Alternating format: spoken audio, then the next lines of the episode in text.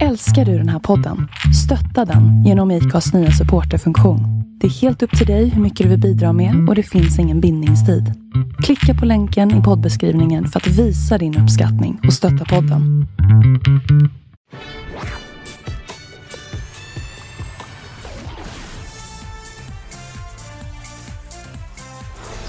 Hej och välkomna till Schlagerfesten.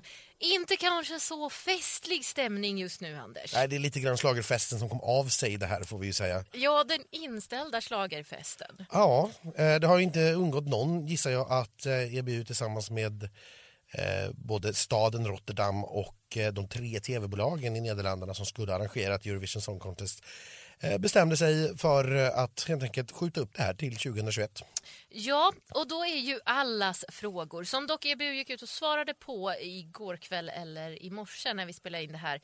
Kommer låtarna från i år få vara med nästa år då? Och nej, är ju svaret på det. Ja. Eh, Så att om vi ska försöka reda ut vad vi vet och vad vi inte vet, för det är klart det här har gått väldigt, väldigt snabbt för alla. Ja. Eh, så är det ju då så att eh, man har skjutit upp Eurovision Song Contest till 2021 vilket innebär att eh, årets tävling så att säga blir inställd.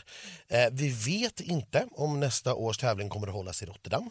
Vi misstänker dock, Eh, det är väl rimligt. Eh, och för jag, jag har väldigt svårt att tro att någon annan broadcaster än den nederländska skulle liksom få första frågan. Nej. Eh, och, men egentligen har vi ju nu ingen vinnare. Så ska vi följa regelverket så har vi ingen vinnare.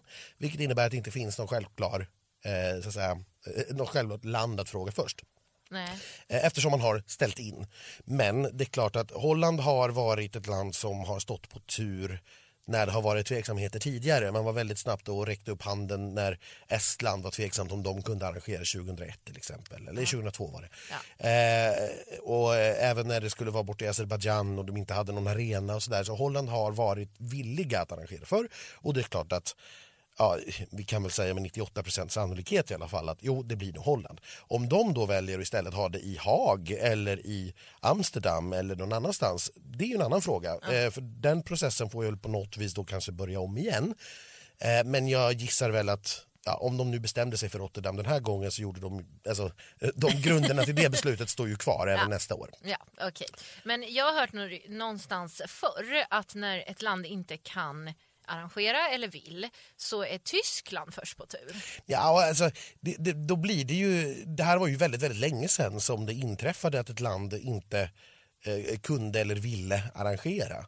Eh, och då har det ju hoppat lite grann fram och tillbaka och då blir det väl lite grann upp till vem som vill. Okej. Men, men det är klart, det ska ju då vara naturligtvis ett tv-bolag som har muskler som klarar av det och som vill och som kan. Och det är klart, då hamnar vi ofta i de här i Big Five-länderna såklart.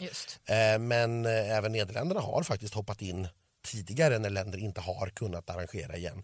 När Israel till exempel vann för andra gången i rad på 70-talet eh, så avgjordes tävlingen därefter i eh, Nederländerna, i Haag Okej. den gången.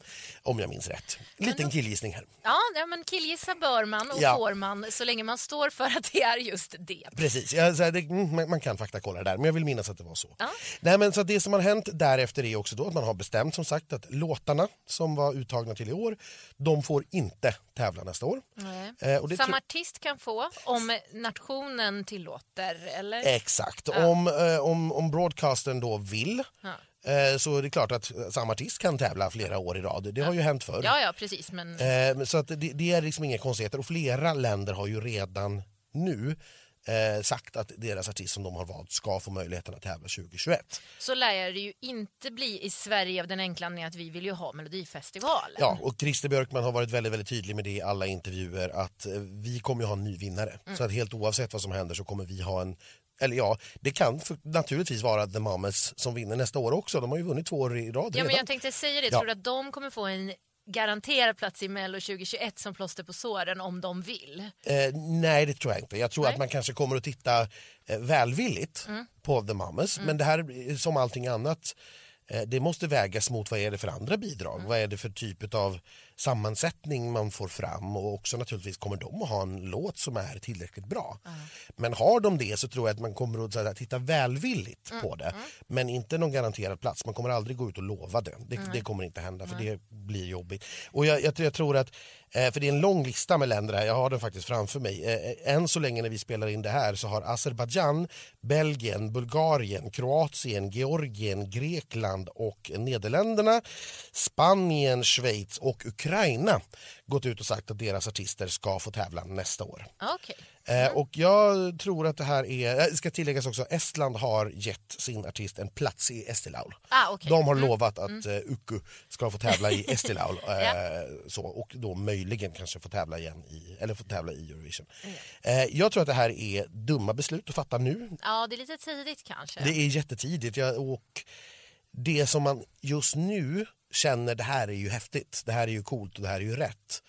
Är ju inte alls säkert att man känner så om ett år, det är ganska långt i popmusikvärlden. Ja, jag vet att Daddy från Island, han sa ju själv att min låt är ju inte aktuell nästa år för då kan mitt barn prata. För hans låt Ja. handlade ju om att han, inte, att han väntar på att få kunna höra vad hans barn kan säga. Och. Ja, och han har ju sagt i intervjuer till och med att han tycker att den låten börjar kännas gammal redan nu. Ja, precis. Eh, för att så här, ja, jag börjar ju kunna ana vad hon så här, eh, gillar och inte och hur, hur det fungerar och hur hon tänker. Vi träffade ju faktiskt Daddy och vi hade ju tänkt att använda det här i ett inför-avsnitt. Ska vi bara lyssna lite nu på vad han sa då? Det gör vi. How how uh, has the reception been in Iceland? Have you how much time have you spent in I- Iceland? I know you live in, in Germany. I was there for um, a little more than a month right now to compete in, in the Icelandic competition, and it's been it's been great. I mean, we we won the competition in Iceland, so I guess they they liked our song the most, which yeah, which is good. Uh, you, I know you competed in the Icelandic selection before as well. Was Eurovision the big target for you, or was it just to you know show yourself to the Icelandic audience? Uh, this time Eurovision was was the target. Last time I don't really know what the target was. I, I wrote the song just to just for fun to send it in and I didn't I wasn't even gonna sing it myself. It was just until last moment when the one that was actually gonna sing the song then cancelled. So I decided to do it myself and since then I've been working as a as a full-time musician so so it wasn't really about showing myself to to Iceland And, and you're now uh, one of the big, big favorites to win in Rotterdam. Does that make you nervous? Does, does make you motivated, or how does that make you feel? It's more motivating than it makes me feel nervous. But like we're not, we're not expecting anything from it. Like I, I don't want to think too much about that. It's just we're just gonna go and do our thing and see what happens. What is your personal relationship to the Eurovision Song Contest? I know you partly grew up in Denmark, for instance, but what has your relationship been? Are you like one of those who watches every year or follows it, or is it something that is just on the side? I think pretty much everybody in Iceland watches it every year. It's it's different how how people talk about it, but pretty much everybody watches it. As of lately, I've I've been following it more and more. Like I I think it's super fun to watch, and uh, it's it's mm, one of my favorite shows to watch. Ja, och det här kan ju vara den längsta mannen jag har träffat. Ja, men herregud, han var 2,08 lång Anders. Ja, det är, eh, man ska ju inte prata så mycket om längd för långa människor för det har han hört precis hela livet. Ja. Eh, Men, men jag fick alltså kramp i armen av att hålla upp mikrofonen. Ja, men jag nådde honom knappt till naveln. Nej, det var på riktigt så. Alltså, det här är, det- är något helt absurt. Eh, men jättetrevlig och, och jättehärlig. Och vi såg honom också showa på eh, kvällen här före finalen på Nalen i Stockholm. Eh, och eh, ja, en riktig, eh, riktigt, riktigt härlig liveartist som verkligen bjöd på sig själv. Han är ju supernördig. Han sitter ju med sin lilla midi-equalizer från 90-talet och den sitter han ju och gör låtar på. Ja, häromdagen släppte han ju Eleni Fu- Fueires Fuego. Ja, Eh. en jättehärlig cover. Ja, det var väldigt roligt. Jag hoppas att han kanske i alla fall dyker upp på Euroclub 2021 och ger oss lite härlig Eurovision-flärd. Det får vi hoppas. Eh, när vi ändå passade på här och, och för att träffa Daddy, så, så vi, vi träffade ju Ulrike också från Norge. Eh, och hon är ju lite otursförföljd måste man ju nu då säga. Ja, men gud, det pratade väl ni? Ja, alltså, eh, för att hon, hon har ju tävlat i princip varenda musiktävling som finns. Hon har varit med i Idol, hon har varit med i Talang, hon har varit med i The Voice. Hon har aldrig vunnit förrän nu då äntligen när hon fick vinna Grand Prix. Och vad händer då? ja, då får hon inte åka till Eurovision. Så att, nej, jag, jag tycker väldigt, väldigt synd om henne. Hon var en eh, superhärlig tjej. Eh, vi kan väl höra vad hon sa också. Jag tänkte börja med, du har ju varit med i en himla massa tv-tävlingar, det är Idol och The Voice och Stjärnekamp. Nu fick du äntligen vinna. Hur kändes det? Endelig var det min tur! Jeg har liksom kommet meg til andreplass, og så bare ah, skrapa på døra. Eh, så det var veldig, veldig, veldig stas, veldig gøy. Eh, superlykkelig. Det var ju en, det var en lite speciell sändning också i och med att det som hände hände med röstningssystemet och alltihop. Hur reagerar man som artist på en sån sak när man sitter och är supernervös i green room och så får man veta att det är 30 personer som ska bestämma? Ja, alltså vi visste ju detta på förhand. Detta Plan B hade vi blivit upplyst om. Och så är det något med att eh, jag visste inte helt hur stort eh, stämmekaoset var. För jag var ju upptagen med att synge, få in-air eh, och sånt. Så for meg så var det ikke så dramatisk før etterpå. Men det går fint. Ja, du var ju ändå den stora favoriten att vinna på förhand och så vann du ju till slut. Men hur känns det? För det har ju ändå varit diskussioner i Norge om att det här blev väldigt, väldigt konstigt. Hur, hur känns det när du äntligen då fick vinna? Du, jeg er ganske positiv. Eh, og eh, i VB-en, den videoen før jeg sang, så sa jeg at i motbakke kan det bare gå oppover. Så da fikk jeg liksom virkelig testa det litt. Eh, røff start. Eh, men NRK har sagt at den rette vinneren er kåra og sånne ting, så da tenker jeg vi legger det ferdig, og så er det fokus til Rotterdam. Eh, Den här låten har du skrivit själv ihop med bland annat Mörland som vi känner igen från Eurovision. Vad har han berättat för dig om hur det här Eurovision-resan är? Og han har sagt at det er bare å glede seg. At det er fantastisk, og at jeg må huske å puste og nyte. Fordi dette er et eventyr som kanskje bare skjer én gang. Eh, og ja. Og så må vi bare jobbe hardt for gull. Vad är din egen relation till Eurovision? Har du liksom följt det sedan du var liten? Altså, jeg satt hjemme i stua i fjor med flagg og glitter og bare «Åh!» Eh, Så absolutt fulgt med hele tiden og syns det er så, så gøy. Og skjønner jo kanskje ikke helt at jeg skal stå på den scenen.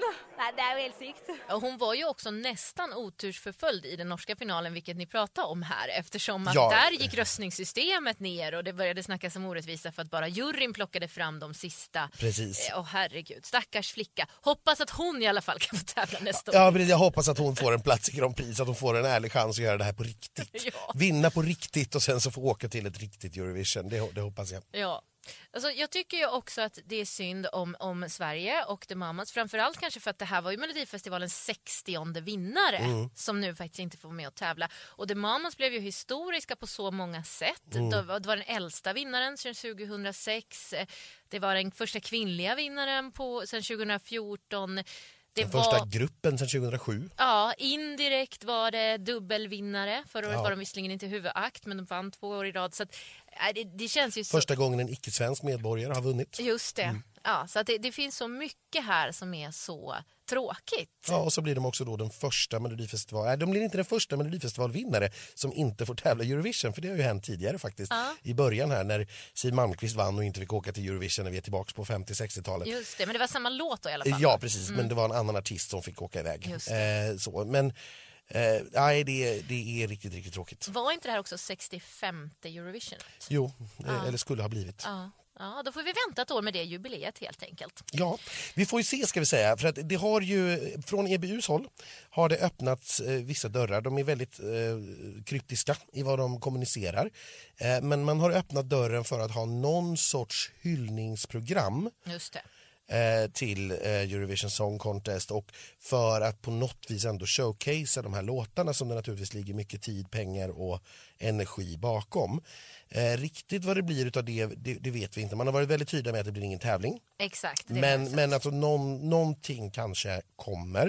Eh, det tyska tv-bolaget var väldigt snabbt ute och sa att de kommer, att göra en, de kommer att göra ett eget program där de på något vis Mm. hyllar Eurovision Song Contest och uppmärksammar att idag skulle det ha hållits. Ja, jag vet att Christer också sa det i någon intervju att de här tiderna är ju satta på SVT i Ja. maj så någonting kommer kanske hända där. Och sen visste väl inte han om det skulle bli från EBUs håll eller från SVTs håll men vi kommer ju förmodligen ha någonting på de här tiderna. Precis, alltså det, det var en intervju i Studio 1 som han Ja. öppnade dörren. Det var ju några timmar efter beskedet kom Exakt. så det är klart att det finns ingenting konkret att gå på.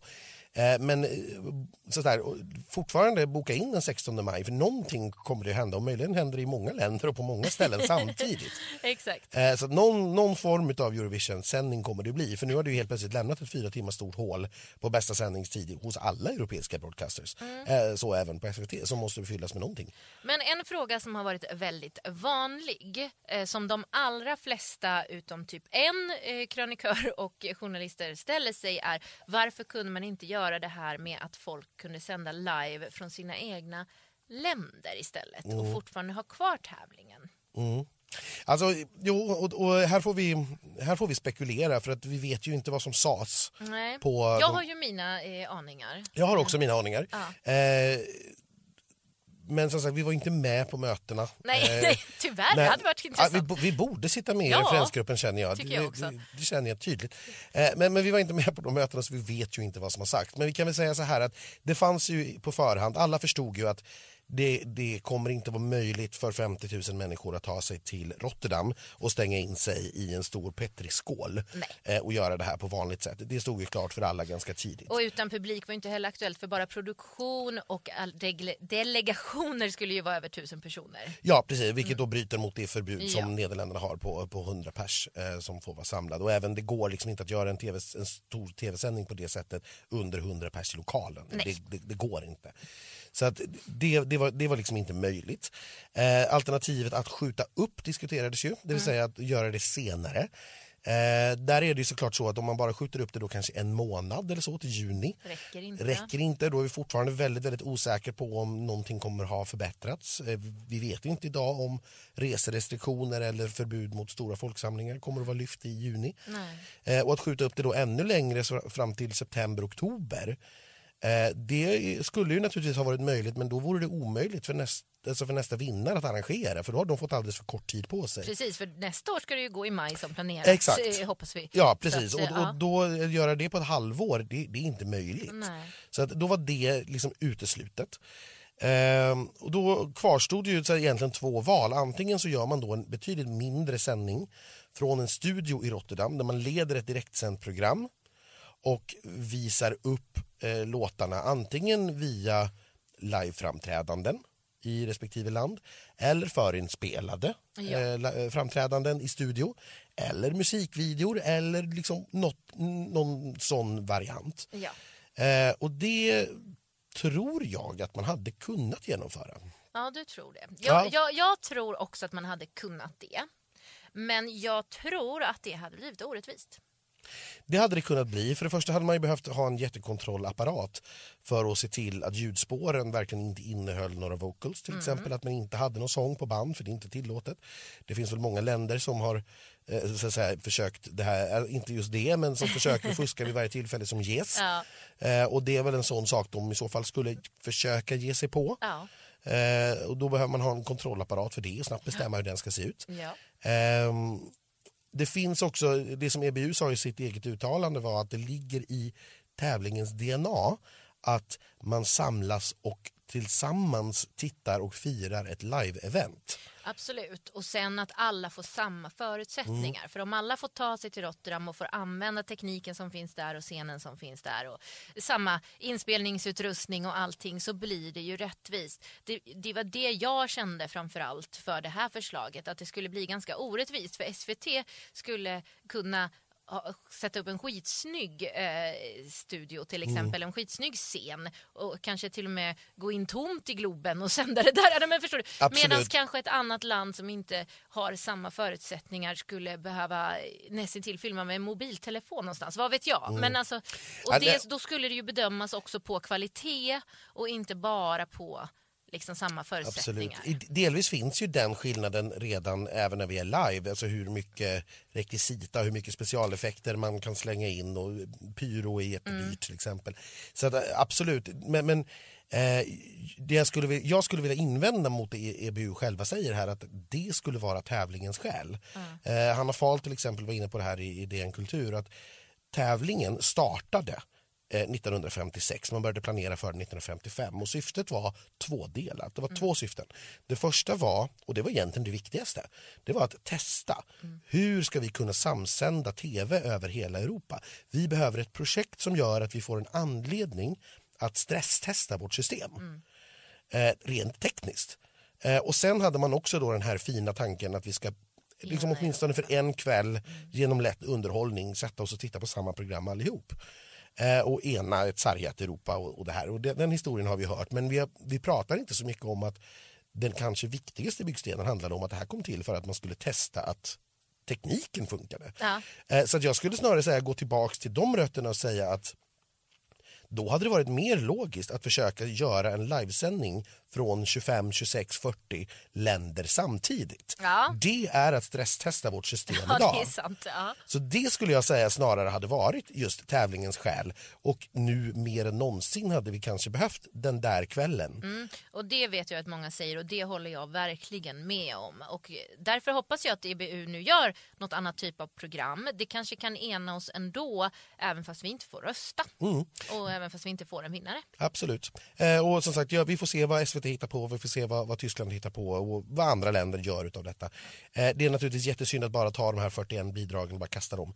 Så att på något vis behöver vi ändå... Speciellt när vi hade ett ganska bra år framför oss skulle jag vilja säga. Ja, jag är inte så förtjust ska jag säga. Det var väldigt, väldigt balladtungt och nu finns det några riktigt, riktigt fina ballader här. Det, det gör det, men jag kanske inte inte helt där. Eh, Jag vet, jag vet att en del tycker att det är ett jättestarkt år, eller var ett jättestarkt år.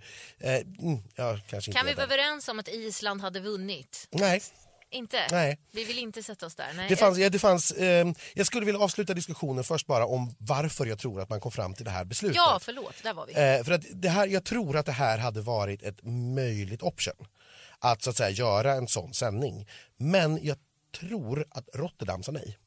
Ah, Därför att eh, om man investerar så här mycket pengar i ett projekt och ett event så vill man ju såklart också ha avkastningen. Du vill ju att folk ska komma dit, du vill ha turismen, du vill ha fullt på hotell och restauranger i två Ja. veckor.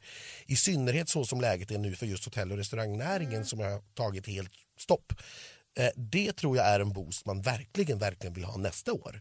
Att få helt fullt i stan. men kunde man inte gjort det och ändå låtit Rotterdam hålla det nästa år? Fast då blir ju inte årets vinnare i så fall. då får inte de arrangera. Det. Nej, nej, det är sant. Så att jag, jag, jag tror att det var nog det som i slutändan gjorde att äh, men vi ställer faktiskt in, det blir det bästa för alla. Åh, gud. Eh, jag vet ju, alltså, när vi hade det i Stockholm 2016, så, om jag minns rätt så tror jag att Stockholms stad satsade i närheten av 100 miljoner på det här evenemanget. Ja. Eh, och de rapporterna som kom efteråt visade ju att man fick igen det i form av ökad sysselsättning. Eh, att eh, man fick så pass mycket reklam eh, och det var så mycket människor som kom till Stockholm, hade en underbar upplevelse och sen åkte hem och berättade för alla hur härlig Stockholm var som stad. Ja. Vilket då genererar ännu mer turism och så vidare. Så att, eh, jag tror att det var nog det man var ute efter i slutändan. Men det är som sagt, det är bara en gissning. Vi, Ja. vi, vi vet inte. Men jag tycker att det verkar ganska logiskt att Rotterdam säger att men hörni, nu har vi redan investerat jättemycket pengar. Vi måste få ut någonting av de pengarna. Det får vi om vi kan arrangera det här nästa år och få turisterna för att då kunna så att säga, fullbelägga våra hotell, få igång våra restauranger, barer och kaféer. Ja, ja nej, men det låter rimligt. Mm. Eh, men eh, ja, alltså det är ju fortfarande så här sorgligt. Det är fortfarande jättesorgligt. Eh, och som sagt, det, det finns ju trots allt eh, ett gäng eh, Som det är ännu mer synd om än Ja, oss, ska det sägas. gör ju det. Eh, framförallt, och, och det är verkligen så. Jag, menar, jag har varit på 16 Eurovision Song Contest, jag kommer att åka på fler. Eh, det kommer fler Eurovision. Ja. Men det finns ju de som kanske inte riktigt lika säkert hamnar på några fler Eurovision. Nej, vi ska ju säga det. Vi ska hylla låtskrivarna av årets låt, Move, Ja, Melanie, Patrik och eh, Herman. Herman. Eh, de skulle faktiskt ha varit med oss i en podd. Eh, men eh, situationen och framförallt våran studio tillåter ju just nu inga besökare heller. Så det fick bli en liten telefonlänk till någon annan som är en väldigt stor huvudroll i att vara väldigt ledsen över detta. Det är ju en utav tjejerna i The Mamas, nämligen Lulu. Hallå! Ja, hallå. Hur är läget med dig egentligen? Alltså just nu så sitter jag i solen ute i min trädgård så att eh, det, det kunde varit sämre faktiskt. Men eh, jo, eh, man har så här en eh, sorgevecka känns det som. Ja, hur hanterar man sådana här nyheter? Ja, det är liksom inte så mycket att göra. Man vi fick ju reda på det samtidigt som alla andra. Så blev bombarderade med alla andras eh, tråkig, alltså att alla tycker det är så tråkigt liksom. Så man har inte riktigt haft tid att processa. Men eh, ja, vad gör man? Världen ser ut som den gör liksom. Ja, så är det ju. Hade ni någon sorts föraning? Det, jag menar, det pratades ju ganska friskt fram till det här att okej, okay, det kommer nog inte se ut som det brukar. Eller, men, eller kom det som en blixt från klar himmel? Eh, nej, alltså vi, vi hade ju pratat om det för att vi tänkte att det kanske inte blir av. Men man visste ju inte hur det skulle vara. Man visste ju inte att det skulle vara så final på något sätt. Um, men så var det så här när vi pratade då med management och sånt och de bara ja det finns ju flera alternativ men just nu så jobbar vi på precis som att det ska hända. Så det är lite så vi har tänkt. Okej, okay, det kan vara att antingen blir det inte alls och det skulle ju vara sjukt tråkigt eller så blir det på något annat sätt och så var det ju det sämsta sämsta som hände liksom. Och så var vi jätteledsna allihopa liksom. Så det, vi bara okej, okay, men vi hörs sen. ja precis, har ni pratat någonting med varandra nu? Uh, ja, vi pratar ju med varandra hela tiden. Um, alltså, vi kan inte, man kan inte säga så mycket eftersom man kan inte blamea någon eller det bara är som det är på något sätt. Men nu försöker vi ju jobba vidare på nästa grej bara. Har du kunnat njuta av segern ändå? För vi får inte glömma bort mitt i alltihop det här att ni vann ju faktiskt. Ja. Det har ni ju fortfarande. Ni har ju fortfarande vunnit Melodifestivalen. Ja, jag vet. Nej, för det är fortfarande sådär så att det inte riktigt har sjunkit in på något sätt. Eftersom det direkt efter blev snack om att ah, men det kanske inte blir av. Så, man bara, så har man gått och tänkt på det. Och sen så kommer man på det mm. ibland och bara, men shit vi vann. Det, det är helt crazy. ja, men om, vi, om vi pratar om lite trevligare minnen då istället för det här tråkiga. Så här, den, yeah. alltså finalveckan i Stockholm, hur, hur var din upplevelse av den? Det är ju som en bubbla. Mycket jobb, det var det. Och jag kommer ihåg man, man liksom kunde inte fatta när vi väl vann. Så bara, men shit, för att det var ju ingen som trodde på oss egentligen.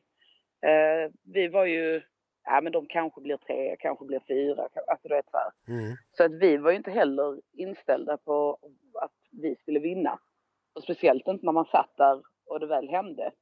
Då var ju chocken total. mm. Så jag vet inte. Och sen efteråt så bara, som när man kom till festen. Alltså allting var bara som i en dimma på något sätt. Um, det blev ju inte så mycket festande som man hade tänkt sig. Man var så här chockad och trött. Mm. Nej, men för, att, för, för, min upplevelse, eller vår upplevelse som då sitter på andra sidan i den här finalveckan, sitter där på, på eh, parketten och tittar på repetitionerna var ju att det började ju bassas om er eh, redan på torsdagen. Att det började pratas om att ja jäklar ja, när vi ser dem live, jävlar, då händer det ju grejer. Det hade vi liksom glömt bort sen Linköping för det var så långt innan. Ja. Och sen var ni ju faktiskt tvåa på oddslistan när vi väl kom till finalen. Ja galet. Nej, men det är bara så spännande att se om, om det där liksom tränger igenom till er eller om det är om ni verkligen liksom skärmar av er och sitter i er bubbla liksom och bara vi ska göra vår grej och så får alla andra sköta det andra. Ja, alltså jag är ju sån som, jag är ju sån som alltid är skeptisk. um, så även när människor så här kom fram och bara, men gud ni, ni uh, kommer ta detta liksom. Eller så här, jag bara, ja, ja vi får se. Vi, alltså jag kan inte ta till mig det. Utan jag bara jobba vidare och sen så höll man koll på odds och sånt höll man ju koll på ibland. Eh, men där i slutet så, alltså då hade man släppt det på något sätt. Mm. Och det är väl också för man läser ju tidningar och alla tidningar hade ju redan gett vinnaren till Anna eller till Dotter. Eller, alltså, så att för oss, vi bara, ja, ja. Mm. Vi kommer ju bara ha roligt och göra vår grej och sen så får man ju se om det går hem. Och det gjorde det. alltså, är, är, är den här splitscreenen när ni står mot Dotter och eh, Dotter ska få sina poäng. Är det den absolut värsta stunden i ditt liv? Eh, ja, det är det nog. För jag, jag, jag, jag, har verkligen tittat på det där om och om igen och bara, jag tror att jag hade mått så dåligt så att jag hade kaskadkräkts över hela greenroom om det hade varit jag. Ja, men det är så sinnessjukt. För jag kommer ihåg det i Tel Aviv förra året. Ja, det var ju också Just det, då var du också i printscreen. alltså den känslan av att bara, för helvete, när det väl då kom när vi väl fick reda på att oj, det var inte ens andra plats liksom. Eh, utan just då sjätte. Så när jag såg att vi skulle ha samma jävla skitgrej här i Mello. jag bara nej, varför har de ändrat till samma? Fy fan du vet. Och då sa jag så, antingen får vi vinna Eller så hoppas jag att vi åker ut snabbt så att man i alla fall sitter där och känner till det ett tag. Mhm. Man slipper samma situation. Och sen så sitter vi i samma jäkla situation. Och jag bara, nej det här händer bara inte liksom. För vi hade ju, alltså, eller man vet ju inte, hon hade ju kunnat få hur många poäng som helst. Och då sitter man ändå där och bara, åh gud. Men eh, ja, det, det gick ju bra liksom. Ja, den här gången gick det åt rätt håll. Ja, precis. Känns det som någon tröst i det här tråkiga att ni ändå fick göra Eurovision förra året så att ni har upplevt ett? Nej, för då var jag ju bara inhyrd körtjej. Så det, det är ju inte alls samma känsla. Även ifall jag vet om att folk säger att ja men vi var ju också en del av vinsten eller så här. Men för oss så var det ju alltid John. Det var ju bara att backa upp John och det var ju hans vinst liksom. Och hans, jag menar utom, utan honom så hade vi ju inte ens eh, stått här detta året. Så, att, så den ger jag helt till honom. Um, man hade ju självklart velat vara med om det själv. Att vara där och stå där som egen artist. Så jag vet inte om det någon, det känns inte som någon tröst för vi vet ju också vad vi missar. Ja, Ja, det för är sig. klart. Det kanske Ja. är värre. till och med. Men eh, om frågan skulle komma nu om eh, att få vara med i Mello nästa år, eh, vad säger ni då tror du? Eller vad säger du? Gud. Ja, det skulle vara om det kom en väldigt, väldigt bra låt. Men jag, alltså samtidigt, pallar man denna stressen igen? den, eh, den situationen, liksom, att sitta där och... Nej, jag vet inte. Och sen vill man inte heller att folk ska rösta för att de tycker synd om oss från förra året. Nej, Nej, precis. Vi inte ha förstår precis. sympatiröster. Ja. Så, så nej, kanske ge nästa år till någon annan som förtjänar det och som har det som dröm och sen så, ja man vet inte, kanske ställa fram, alltså lite längre fram. Det är väldigt storsint av det. Så här, nej, men vi behöver inte vinna tre år i rad. Det vi kan låta någon annan vinna ett år först. Eh, Det hade ju för sig varit sjukt roligt. Eller hur? Skit i sympati. Det är kul med en trippel. ja, ja, gud det hade varit jätteroligt. Ja. Men hur ser planerna ut nu då med er och The Mamas? har ni hunnit göra några planer? För det blev ju ganska abrupt. Ni fick ju lite tomma luckor i kalendern här helt plötsligt. Ja, men vi hade ju planer sen innan. Eh, vi kommer ju ha julshowen igen på Maximteatern, så det kommer vara jätteroligt. Eh, och sen så under sommaren så har de ju fortfarande ställt in alla grejer. Så vi får se vad som händer där. Och sen så är vi ju i studion också nu och eh, spelar in och har jättekul. Finns det, det finns en eh, rad med nya låtar som ska släppas. Kommer det till med något album kanske? Man får se vad som kommer. Här släpps det inte på något. Men vad härligt. Som sagt, återigen, grattis till vinsten. Det är den jag tycker vi ska fokusera på. Ja, tack. För det är inte så många som har lyckats vinna Mello. Eh, och, 60 stycken. ja, 60 stycken, däribland ni då. Och, Ja, alltså jag måste säga, vi hade ju första, första detta årtiondet ut liksom och sen eh, 60 Så jag tycker vi har gjort många bra grejer faktiskt. Ja men gud, ni kommer ju bli eh, historiska helt oavsett på eh, både, både dåligt och bra sätt liksom. Mm. Ja men du vet det där året det ställdes in. Då vann ju de. Ja, alltså, alltså i, i såna här medlin och grejer om 20 år och ihopklippta collage så kommer det vara så här, ja, The Mamas var ju de enda som inte fick tävla. Ja. Ja. Det- Så på det sättet så ni har ju skrivit in det i historieböckerna. Man får ju... Ja det känns ju kul. Jag får gratulera. ja, tack så mycket. Tack.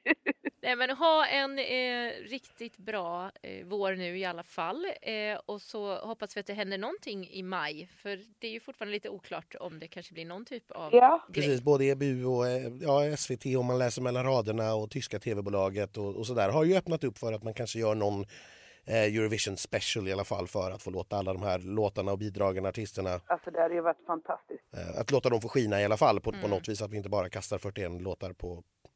på eh, Tippen. ja. på tippen. Men för ni har ju fått enormt stöd från Europa har jag sett på sociala medier. Jag är så glad. Jag, man visste att Mello var stort. Jag visste inte hur pass stort det var älskat liksom utanför Sverige. Men eh, det är helt galet. Vi får så, så, så mycket kärlek från hela världen. Det är fantastiskt. Det är otroligt häftigt. Ja, Mm. Och det gäller ju som sagt, eh, låt inte det här tråkiga beskedet överskugga det för det, nej verkligen inte. det är ju egentligen det som räknas. Eurovision är bara ett tv-program. Ja, ja, det här får man ju ta vara på.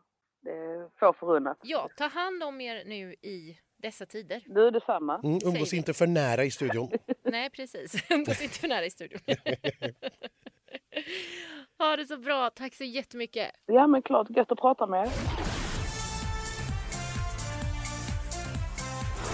Men gud, det var verkligen superhärligt att få prata med Lolo. Hon är ju ledsen men verkar ändå liksom se livet från den ljusa sidan. Ja, det måste man. Jo, man måste ju, alltså som vi säger, de har vunnit Mello. Ja, Det är skithäftigt. Och tyvärr då som sagt så precis egentligen samtidigt som det hände så började det spekuleras i om det blev något Eurovision eller inte. Så de fick ju aldrig riktigt njuta av det där att de faktiskt hade vunnit. nej, Melodifestivalen var ju nästan det sista stora eventet som fick hållas i Sverige. Ja, det var väl det skulle jag säga till och med. Ja, det Eh, var det nog ja. ja. Jag tror att eh, den här restriktionen med max 500 kom bara på måndagen efter eller någonting sånt. Just det.